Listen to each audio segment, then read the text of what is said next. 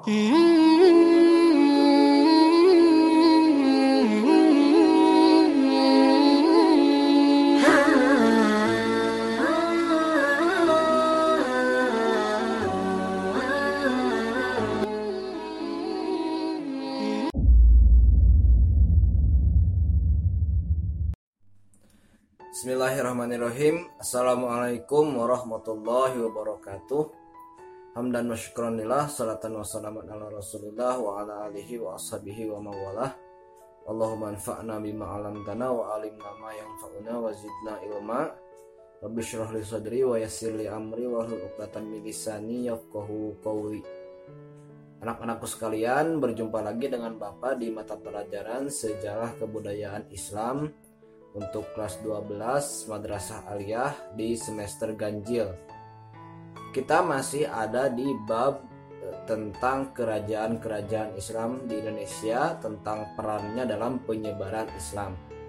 Pada pertemuan yang lalu kita sudah bahas tentang kerajaan-kerajaan Islam di Sumatera. Tentu kalian harus minimal tahu ya nama kemudian masa kejayaan dari beberapa kerajaan tersebut. Di Sumatera kita kemarin bahas sebentar ya ada kerajaan Perlak, ada kerajaan Samudra Pasai, kemudian ada juga Malaka ya meskipun sekarang pusatnya di Malaysia, tapi juga ada wilayahnya di Sumatera dan kemudian kerajaan Aceh Darussalam. Dan sekarang sebenarnya yang menarik dari pembahasan Islam itu adalah kerajaan-kerajaan Islam di Jawa. Kerajaan-kerajaan Islam di Jawa inilah yang memulai peradaban Islam ya berubah dari Hindu menuju Islam.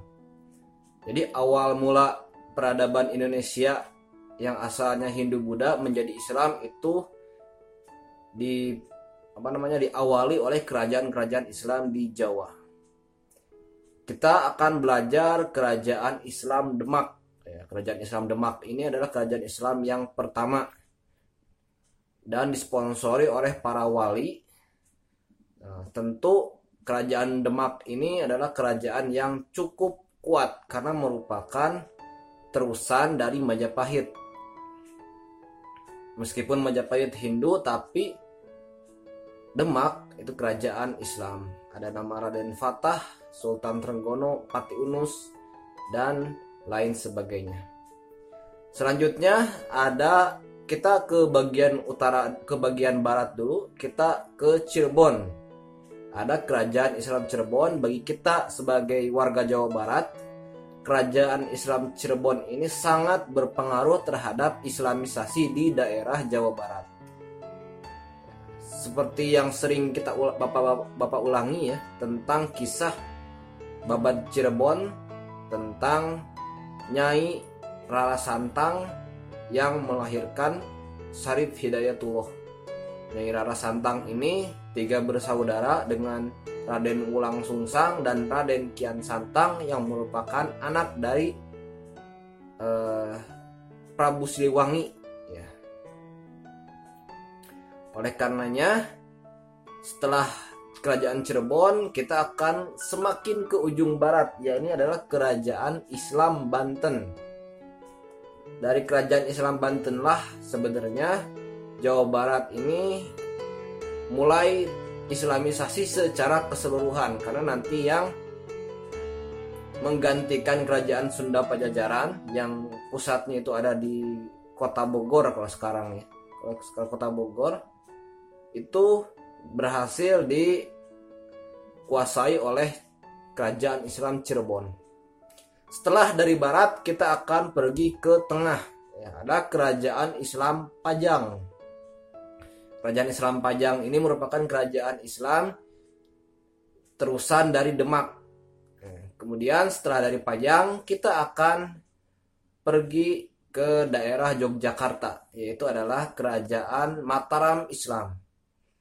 Kisah tentang Mataram Islam ini sangat menarik, utamanya kalau kita nanti di bab 4 juga akan menyinggung tentang perlawanan umat Islam utamanya Pangeran Diponegoro perang Jawa nah, itu nanti akan dimention di bab 4 ya untuk bab 3 ini hanya tentang kerajaan-kerajaan Islamnya saja. Dalam hal kerajaan Islam Mataram nanti ada nama Sultan Agung dan e, beberapa kisah lainnya.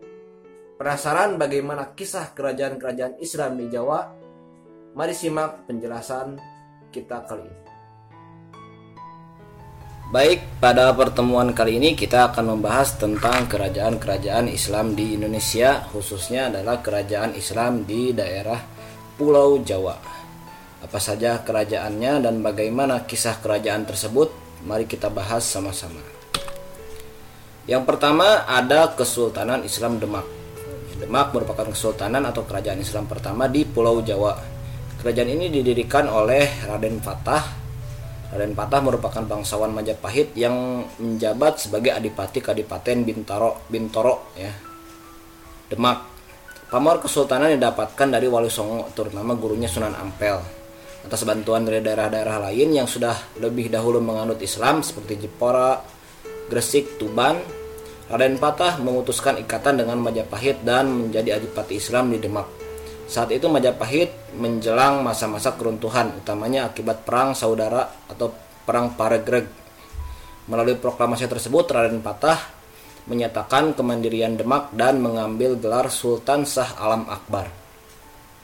Jadi e, e, kisah kerajaan Sultan Islam Demak ini diawali dari sosok Raden Patah.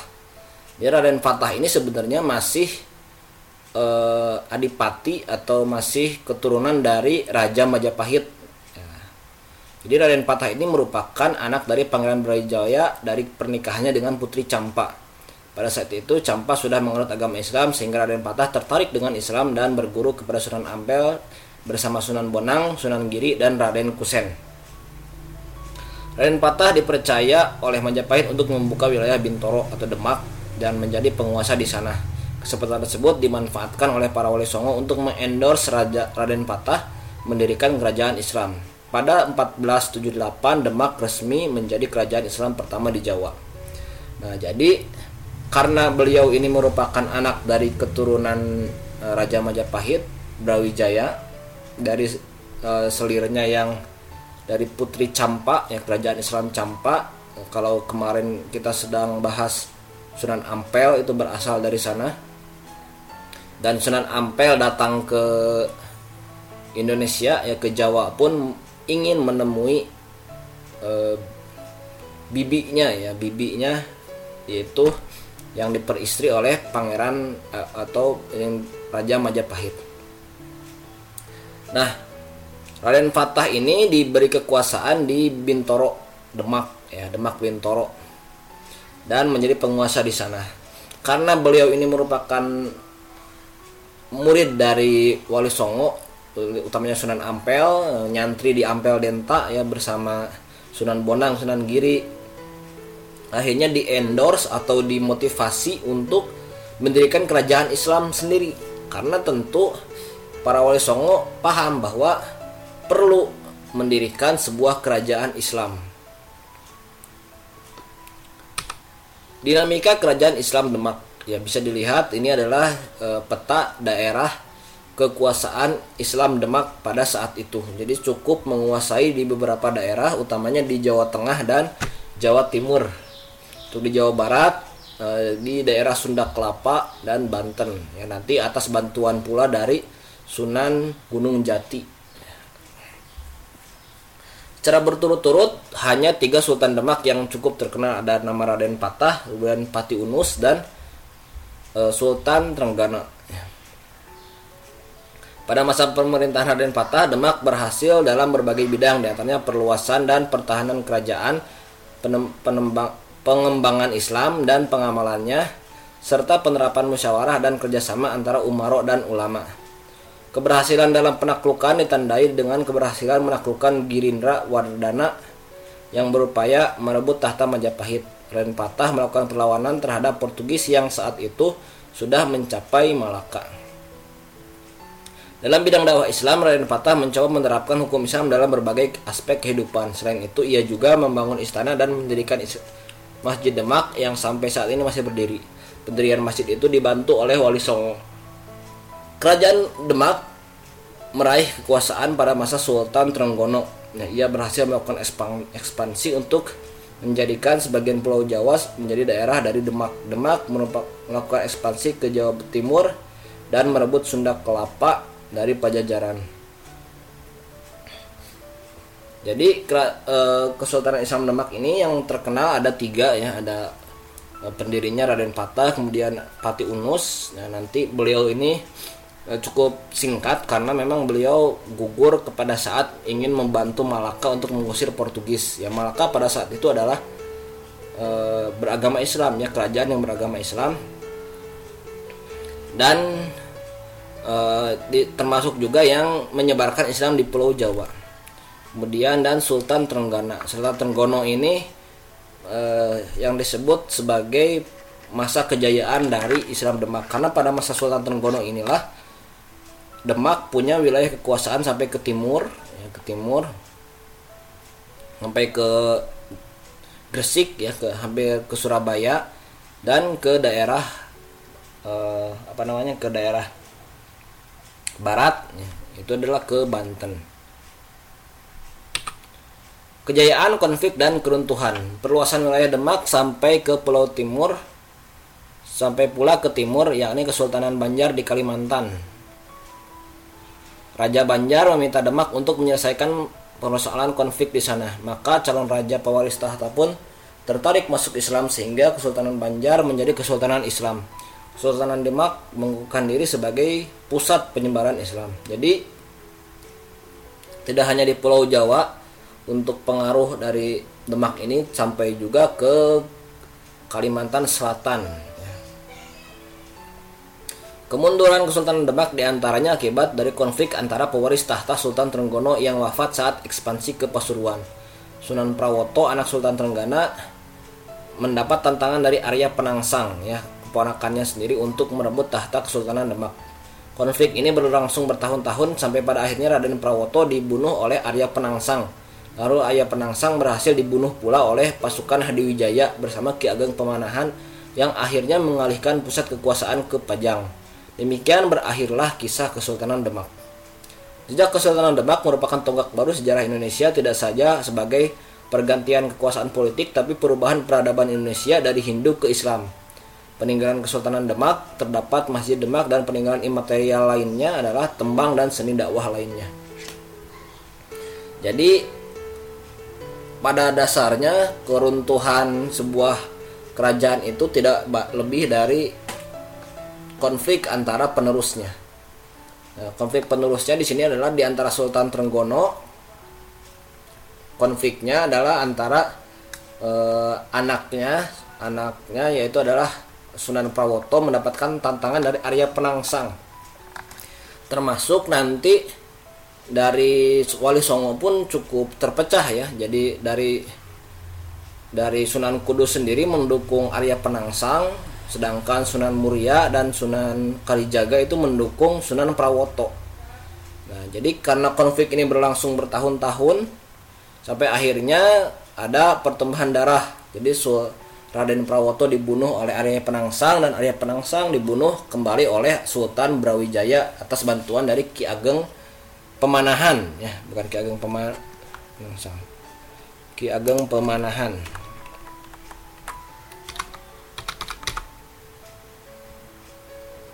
Eh ayah penangsang ini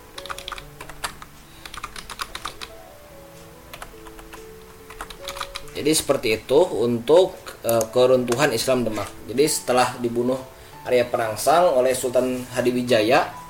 Nah Hadiwijaya ini uh, nama lain dari Joko Tingkir. Ya nanti yang mendirikan kerajaan Islam Pajang yang akan juga kita bahas di sesi kali ini. Nah itu adalah gambaran dari Kesultanan Islam Demak secara umumnya Selanjutnya adalah kerajaan Islam Cirebon. Nah, Kesultanan Islam Cirebon adalah jadi kadang disebutnya kerajaan, kadang kesultanan. Ini ini diharapkan sama saja ya.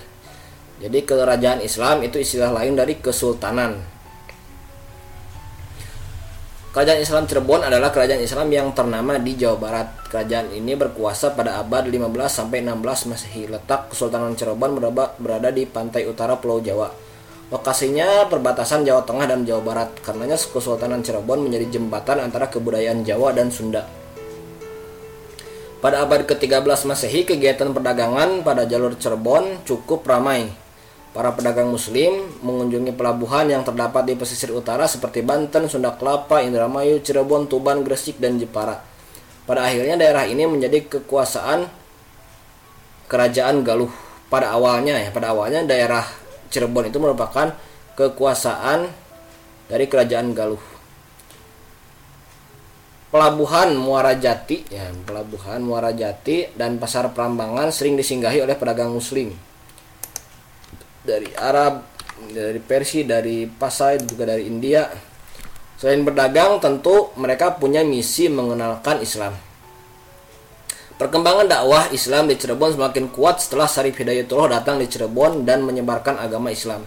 Kedatangannya menyebabkan agama Islam tidak hanya di Cirebon, tapi masuk ke pedalaman Galuh dan Jawa Barat. Tomo Pires dalam Sumber Oriental menyebutkan bahwa pada masa pada 1513 penduduk Cirebon dan Indramayu sudah beragama Islam. Nah, Kesultanan Islam Cirebon ini memang tidak bisa dipisahkan dari sosok Sunan Gunung Jati atau Sarif Hidayatullah. Dinamika Kesultanan Cirebon. Penyebaran Islam pada awal-awal di Cirebon ya dilakukan oleh Syekh Kuro dan Syekh Nurjati. Syekh Kuro merupakan ulama dari negeri Campa yang ikut belajar ke Jawa bersama armada Laksamana Cheng Ho. Beliau menjadi guru dari Nyai Subang Larang dari anak Ki Gedeng Tapa penguasa Cirebon. Nyai Subang Larang kemudian dinikahi oleh Prabu Siliwangi dan memiliki keturunan Raden Ulang Sungsang, Nyai Lara Santang dan Raden Kian Santang. Syekh Datuk Kahfi atau Syekh Nurjati merupakan guru dari Raden Ulang Sungsang dan Nyai Lara Santang. Jadi Eh, pada awalnya memang di Cirebon ini tidak langsung oleh Sunan Gunung Jati tapi oleh beberapa gurunya itu adalah Syekh Kuro dan Syekh Nurjati. Syekh Kuro inilah nanti yang disebabkan disebutkan dalam babat Cirebon menghasilkan keturunan Sunan uh, Sunan Gunung Jati. Meskipun beliau bukan ayahnya ya tapi beliaulah yang berhasil mendidik Nyai Laras apa Subang Larang Nyai Subang Larang sedang membaca Al-Qur'an kemudian Prabu Siliwangi datang akhirnya e, menikahi Nyai Subang Larang karena mendengar bacaan Qur'annya yang bagus. Sehingga dari sana lahirlah tiga e, tiga orang ya, ada ya, Ulang Sungsang ada Nyai Laras Santang dan Raden Kian Santang Raden Ulang Sungsang merupakan perintis dari Kesultanan Cirebon atas do dorongan dari gurunya Syekh Nurjati. Setelah wafat, Cirebon dilanjutkan oleh keponakannya yang merupakan anak dari Nyai Lara Santang yakni Syarif Hidayatullah atau Sunan Gunung Jati. Tokoh Wali Songo inilah yang kemudian menjadi pendiri dari Kesultanan Cirebon. Jadi memang perintisnya itu uh, Ulang Sungsang ya Raden Ulang Sungsang. Tapi setelah meninggal beliau meninggal akhirnya dilanjutkan oleh keponakannya yaitu adalah Sunan Gunung Jati. Sebagai kesultanan yang didirikan oleh wali sangat erat kaitannya dengan hubungan Kesultanan Islam Demak. Kesultanan kedua kesultanan tersebut melakukan invasi bersama-sama ke Sunda Kelapa atau Jakarta sekarang dulu Batavia ya dirubah oleh Belanda jadi Batavia kemudian ke Banten selanjutnya menjadi Kesultanan Islam Banten sampai saat ini ada perbedaan ya, ada perbedaan antara sosok Fatahillah dan sosok Sunan Gunung Jati. Ada yang menyebutkan bahwa Sunan Gunung Jati itu Fatahillah sama atau Fatalehan ya, orangnya itu-itu juga. Ada yang menyebutkan bahwa Sunan Gunung Jati atau Fatahillah itu adalah anak dari Sunan Gunung Jati atau penerus dari Sunan Gunung Jati di Kesultanan Islam Cirebon. Ya, Bapak tidak bisa mengkonfirmasi ya tapi pada intinya memang Kesultanan Cirebon ini ikut bersama Demak untuk menaklukkan Sunda Kelapa yang akhirnya nanti menjadi cikal bakal dari kerajaan Islam Cirebon. Masa keemasan dan keruntuhan keruntuhan Kesultanan Islam Cirebon. Kesultanan Islam Cirebon mencapai masa kejayaan pada masa kekuasaan Syarif Hidayatullah. Di masa pemerintahannya Cirebon sangat mempengaruhi perdagangan dan penyebaran Islam. Pelabuhan Rangramai, sumber daya alam yang melimpah menjadikan Cirebon sebagai kota besar dan kota dagang dan pelabuhan ekspor impor untuk daerah Jawa Tengah dan Jawa Timur. Pertumbuhan ini berefek pada perkembangan Islam di Jawa Barat. Keruntuhan Kesultanan Cirebon dimulai ketika Kesultanan dibagi menjadi dua kekuasaan, di antaranya adalah Kesultanan Kesepuhan dan Kesultanan Kanoman. Perselisihan antara kedua kesultanan dan adanya kecampur tangan VOC membuat Cirebon perlahan e, runtuh secara perlahan. Pada 1700, Kesultanan terbagi menjadi empat kekuasaan. Ada selain Kesepuhan dan Kanoman, ada juga Kacirebonan dan Keprabonan. Sejak itu VOC mulai menguasai pelabuhan Cirebon. Dalam perjanjian Kertasura, Cirebon termasuk dalam pengawasan VOC. Saat ini Cirebon tidak menjadi kesultanan walau banyak keraton dan masjid yang didirikan dan dijadikan sebagai upacara adat. Cirebon menjadi kota Cirebon eh, Cirebon sekarang menjadi kota Cirebon daerahnya ya. Daerah Cirebon sekarang menjadi kota Cirebon dan Kabupaten Cirebon yang menjadi bagian dari Jawa Barat. Jadi memang kerun kesultanan keruntuhan kesultanan Cirebon ini ada faktor eksternal. Di antaranya adalah invasi dari VOC ya. Eh, VOC sudah sampai ke Sunda Kelapa dan mendirikan Batavia dan akhirnya mengadakan invasi ke daerah Jawa ya termasuk Cirebon yang bisa ditaklukkan terutamanya juga karena ada kaitannya dengan penaklukan dari Mataram ya kerajaan Islam Mataram. Nanti ya akan kita singgung juga kerajaan tersebut. Kemudian kerajaan Islam Banten. Ya, pada mulanya Banten merupakan daerah kekuasaan kerajaan Pajajaran Sunda. Raja Pajajaran Samian mengadakan hubungan dagang dengan Portugis di Malaka Hal itu tentu meresahkan kerajaan-kerajaan Islam Demak dan Cirebon yang sedang mengusir Portugis, Portugis yang juga membawa misi gospel. Kerajaan Islam Demak dan Cirebon mengadakan invasi ke daerah Jawa Barat selain untuk perluasan wilayah juga untuk penyebaran agama Islam. Daerah Sunda, Kelapa, atau Jakarta kemudian direbut oleh Demak dan Cirebon yang dipimpin oleh Fatahillah. Sosok Fatahillah disebut juga Fatalehan, namun masih diperdebatkan apakah sosok Fatahillah Fatahillah adalah Sunan Gunung Jati atau bukan. Setelah merebut Sunda Kelapa, Fatahillah bergerak menaklukkan wilayah Banten. Setelah takluk, Fatahillah menyerahkan Banten kepada putranya Maulana Hasanuddin. Di bawah pemerintahannya Banten dapat berkembang pesat bahkan wilayahnya bisa mencapai ke Pulau Sumatera seperti Bengkulu dan Palembang. Selain itu, Maulana Hasanuddin juga mendirikan benteng pertahanan kuat, juga melakukan invasi ke daerah-daerah penghasil lada sekaligus menyebarkan agama Islam. Kerajaan Banten pada mulanya sangat bergantung pada Demak. Namun seiring keruntuhan Demak, Banten memisahkan diri menjadi sebuah kerajaan yang mandiri. Jadi bibit dari Kesultanan Islam Banten ini tidak bisa dipisahkan dari invasi kerajaan Islam Demak dan Cirebon. Demak yang pada saat itu ingin menguasai Sunda Kelapa ya, dibantu oleh Fatahillah untuk merebut dari Pajajaran dan akhirnya berhasil sampai akhirnya ter, e, lanjut ke daerah Banten dan mendirikan Kesultanan Islam Banten. Namun pendirian Kesultanan Islam Banten ini tidak dilanjutkan oleh Fatahillah melainkan dilanjutkan oleh anaknya Maulana Hasanuddin. Maka inilah yang menjadi nama Uin di sananya Uin Maulana Sultan Sunan Sultan Maulana Hasanuddin ya. Nah, jadi kerajaan Islam Banten pada akhirnya setelah Demak runtuh ya e, melepaskan diri dari Demak dan menjadi kerajaan yang mandiri. Dinamika kerajaan Islam Banten secara geografis kerajaan Banten terletak di daerah Jawa Barat bagian utara. Kerajaan Banten menjadi penguasa jalur pelayaran dan perdagangan melalui Selat Sunda. Dengan posisi yang strategis tersebut, kerajaan Banten menjadi kerajaan besar. Saat VOC tiba di Sunda Kelapa lalu dirubah menjadi Batavia, Banten merupakan penguasa yang diperhitungkan oleh VOC. Setelah Maulana Hasanuddin dilanjutkan oleh anaknya Maulana Yusuf yang merupakan hasil perkawinan dari putri dengan putri Sultan Trenggono, masyarakat yang berada di wilayah kerajaan Islam Banten terdiri dari berbagai etnis ya seperti Sunda, Jawa, Melayu ya, bukan melalui Melayu, Bugis, Makassar dan Bali.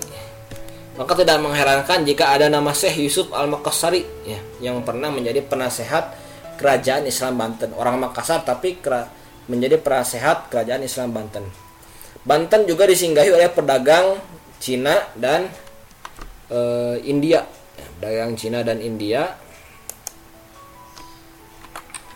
juga Arab. Sampai akhirnya nanti disinggahi oleh VOC. Kesultanan Banten melalui meraih puncak kejayaan pada masa pemerintahan Sultan Ageng Tirtayasa. Di antaranya mampu memajukan wilayah perdagangan dan menjadikan Banten sebagai pelabuhan internasional, memajukan pendidikan dan kebudayaan Islam, melakukan modernisasi keraton dan membentuk armada laut yang kuat untuk membantu pertahanan di laut. Nah, jadi itulah eh, kisah dari kerajaan Islam Banten. Jadi setelah di dipimpin oleh Maulana Saudin dilanjutkan oleh anaknya Maulana Yusuf yang merupakan hasil dari perkawinan bersama putri dari Sultan Trenggono dan dilanjutkan pada masa Sultan Agang Tirtayasa di mana pada saat itu Banten mengalami masa kejayaan untuk melawan kedikdayaan Sultan Ageng Tirtayasa Belanda ya. Jadi sa karena saking dikdaya Sultan Ageng Tirtayasa ini Belanda melakukan politik belah belah bambu atau divide et impera yang dilakukan dengan menjanjikan kekuasaan kepada pewaris Kesultanan Islam Banten yaitu Sultan Haji. Caranya dengan membantu perlawanan Sultan Ageng Tirtayasa. Terjadilah perang saudara. Jadi memang dihasut Sultan Haji ini dianggap bahwa nanti yang diangkat menjadi raja setelah Sultan Ageng Tirtayasa itu bukan dia. Nah, maka akhirnya dimanfaatkan untuk melawan Sultan Ageng Tirtayasa. Pada akhirnya Sultan Ageng Tirtayasa berhasil ditawan dan naiklah Sultan Haji sebagai raja. Namun kenaikan tersebut dibayar mahal dengan kompensasi Sultan Haji melepas wilayah Lampung ke VOC. Setelah Sultan Haji wafat, Banten semakin tertinggal dengan cengkraman pengaruh Belanda. VOC ya, mohon maaf belum Belanda belum ada. Jadi berbeda antara VOC memang dan Belanda. Sehingga setiap setiap keadaan apa pun harus minta izin dari VOC konflik keturunan Banten resmi dihapuskan pada Kesultanan Islam Banten ya. Kesultanan Islam Banten resmi di hapuskan pada tahun 1813 oleh pemerintah kolonial Inggris. Pada tahun ini Sultan Banten Muhyiddin dilucuti kekuasaannya dan dipaksa turun oleh Sir Thomas Raffles yang diakhiri mengakhiri riwayat Kesultanan Islam Banten. Nah, ini adalah kisah dari Kesultanan Islam Banten. Nah, selanjutnya kita setelah ber setelah di daerah barat Jawa, kita akan pindah ke daerah tengah Jawa atau Jawa Tengah. Ada kerajaan Islam Pajang. Tadi sempat kita bahas tentang keruntuhan Islam Demak. Ini akan berkaitan dengan eh, apa, kemunculan kerajaan Islam Pajang. Kerajaan Islam Pajang ini muncul pada masa keruntuhan Kesultanan Islam Demak yang mengalami konflik di antara penerus dari Sultan Trenggono. Pada saat itu anak Sultan Trenggono Raden Prawoto sebagai pewaris dari Demak dibunuh oleh Arya Penangsang yang merasa berhak pula atas Kesultanan Islam Demak. Arya Penangsang mendapatkan perlawanan dari Sultan Hadiwijayo atau Joko Tingkir dan Ki Ageng Pemanahan yang berhasil membunuh Arya Penangsang. Sejak itu berakhirlah kekuasaan Demak dan beralih ke Pajang setelah secara resmi benda-benda pusaka di Demak dialihkan ke Pajang oleh Sultan Hadiwijaya. Sultan Hadiwijaya atau Raden Karebet, Karebet atau disebut juga sebagai Joko Tingkir merupakan raja pertama dari Kesultanan Panjang yang merupakan putra dari Ki Ageng Pengging. Nah, dengan begitu disebutkan pula bahwa cikal bakal kerajaan Pajang merupakan kelangsungan dari Pengging, di mana Ki Ageng Pengging dieksekusi oleh Sunan Kudus karena dianggap makar terhadap Kesultanan Islam Demak. Guru Sultan Hadiwijaya di antaranya adalah Sunan Kalijaga dan Ki Ageng Selo. Nah, bisa dikatakan kerajaan Islam Pajang ini merupakan cikal bakalnya itu dari daerah kerajaan Islam Pengging ya. Hampir sama di daerah Boyolali kalau sekarang. Daerah Boyolali Klaten ya perbatasan Boyolali Klaten. Akhirnya menjadi ke Sultanat Islam Pajang. Nah, Islam Pajang ada di daerah Lawean kalau sekarang ya Lawean Kartosuro ya Solo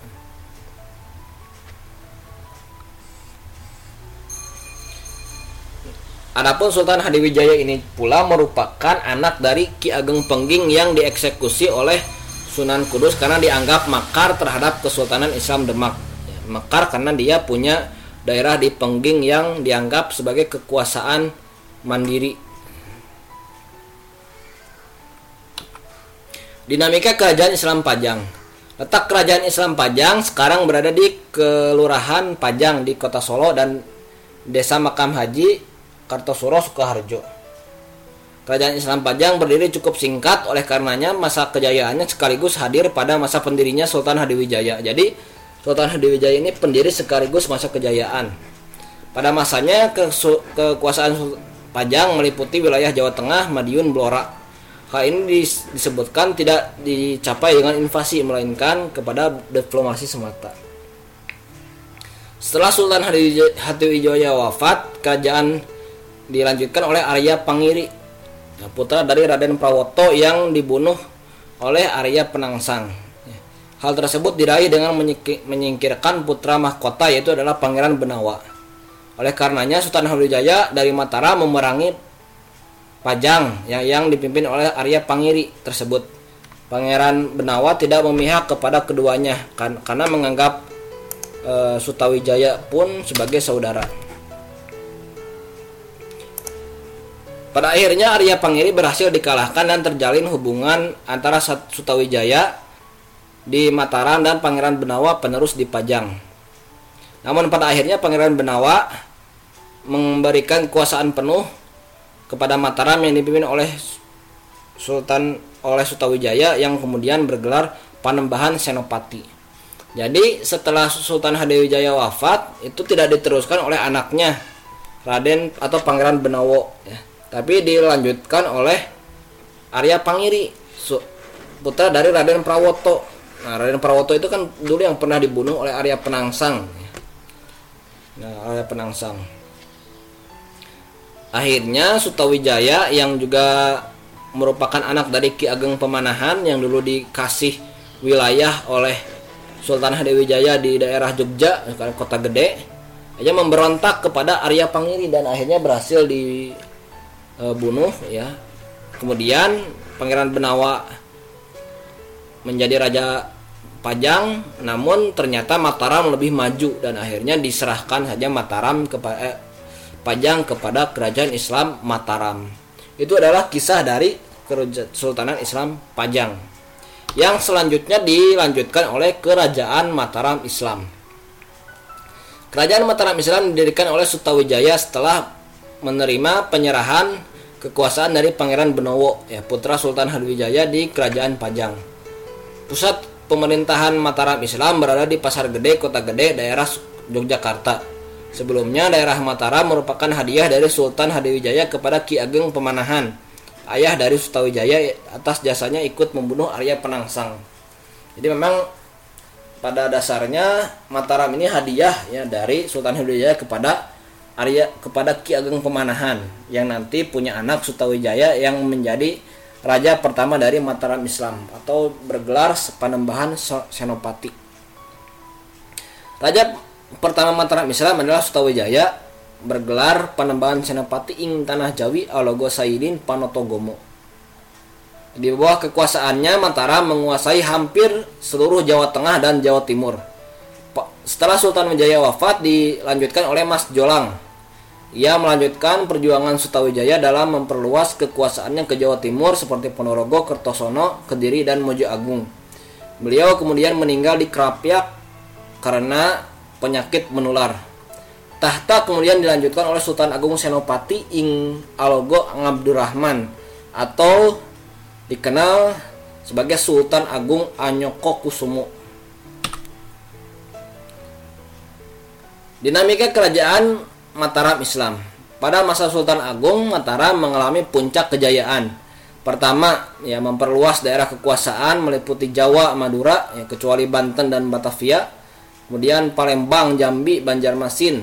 Ya, kedua, menciptakan struktur organisasi bertingkat di bawah pemerintahan pusat kota gede. Ya, mulai terjadi desentralisasi dan eh, apa namanya birokrasi birokrasi birokratisasi. Ketiga, memajukan perekonomian agraris dan maritim sehingga Mataram menjadi pengekspor beras terbesar. Jadi banyak sekali tidak hanya perluasan kekuasaan, perluasan kekuasaan tapi juga politik eh, ekonomi. Dan keempat, melakukan mobilisasi besar-besaran sehingga mampu menundukkan daerah di sepanjang pantai utara Pulau Jawa. Jadi pantai utara Pulau Jawa ini cukup banyak dikuasai oleh uh, Mataram Islam yang menyerang Bat dan menyerang Batavia sampai dua kali merubah perhitungan tahun Saka Hindu dan digabung dengan tahun Islam Hijriah uh, menjadi tahun Jawa. Pada masa Sultan Agung dikenal pula perluasan ke daerah timur dan Jawa Barat. Sedangkan barat e, menaklukkan ke barat ya sedangkan ke barat menaklukkan daerah yang dikuasai oleh VOC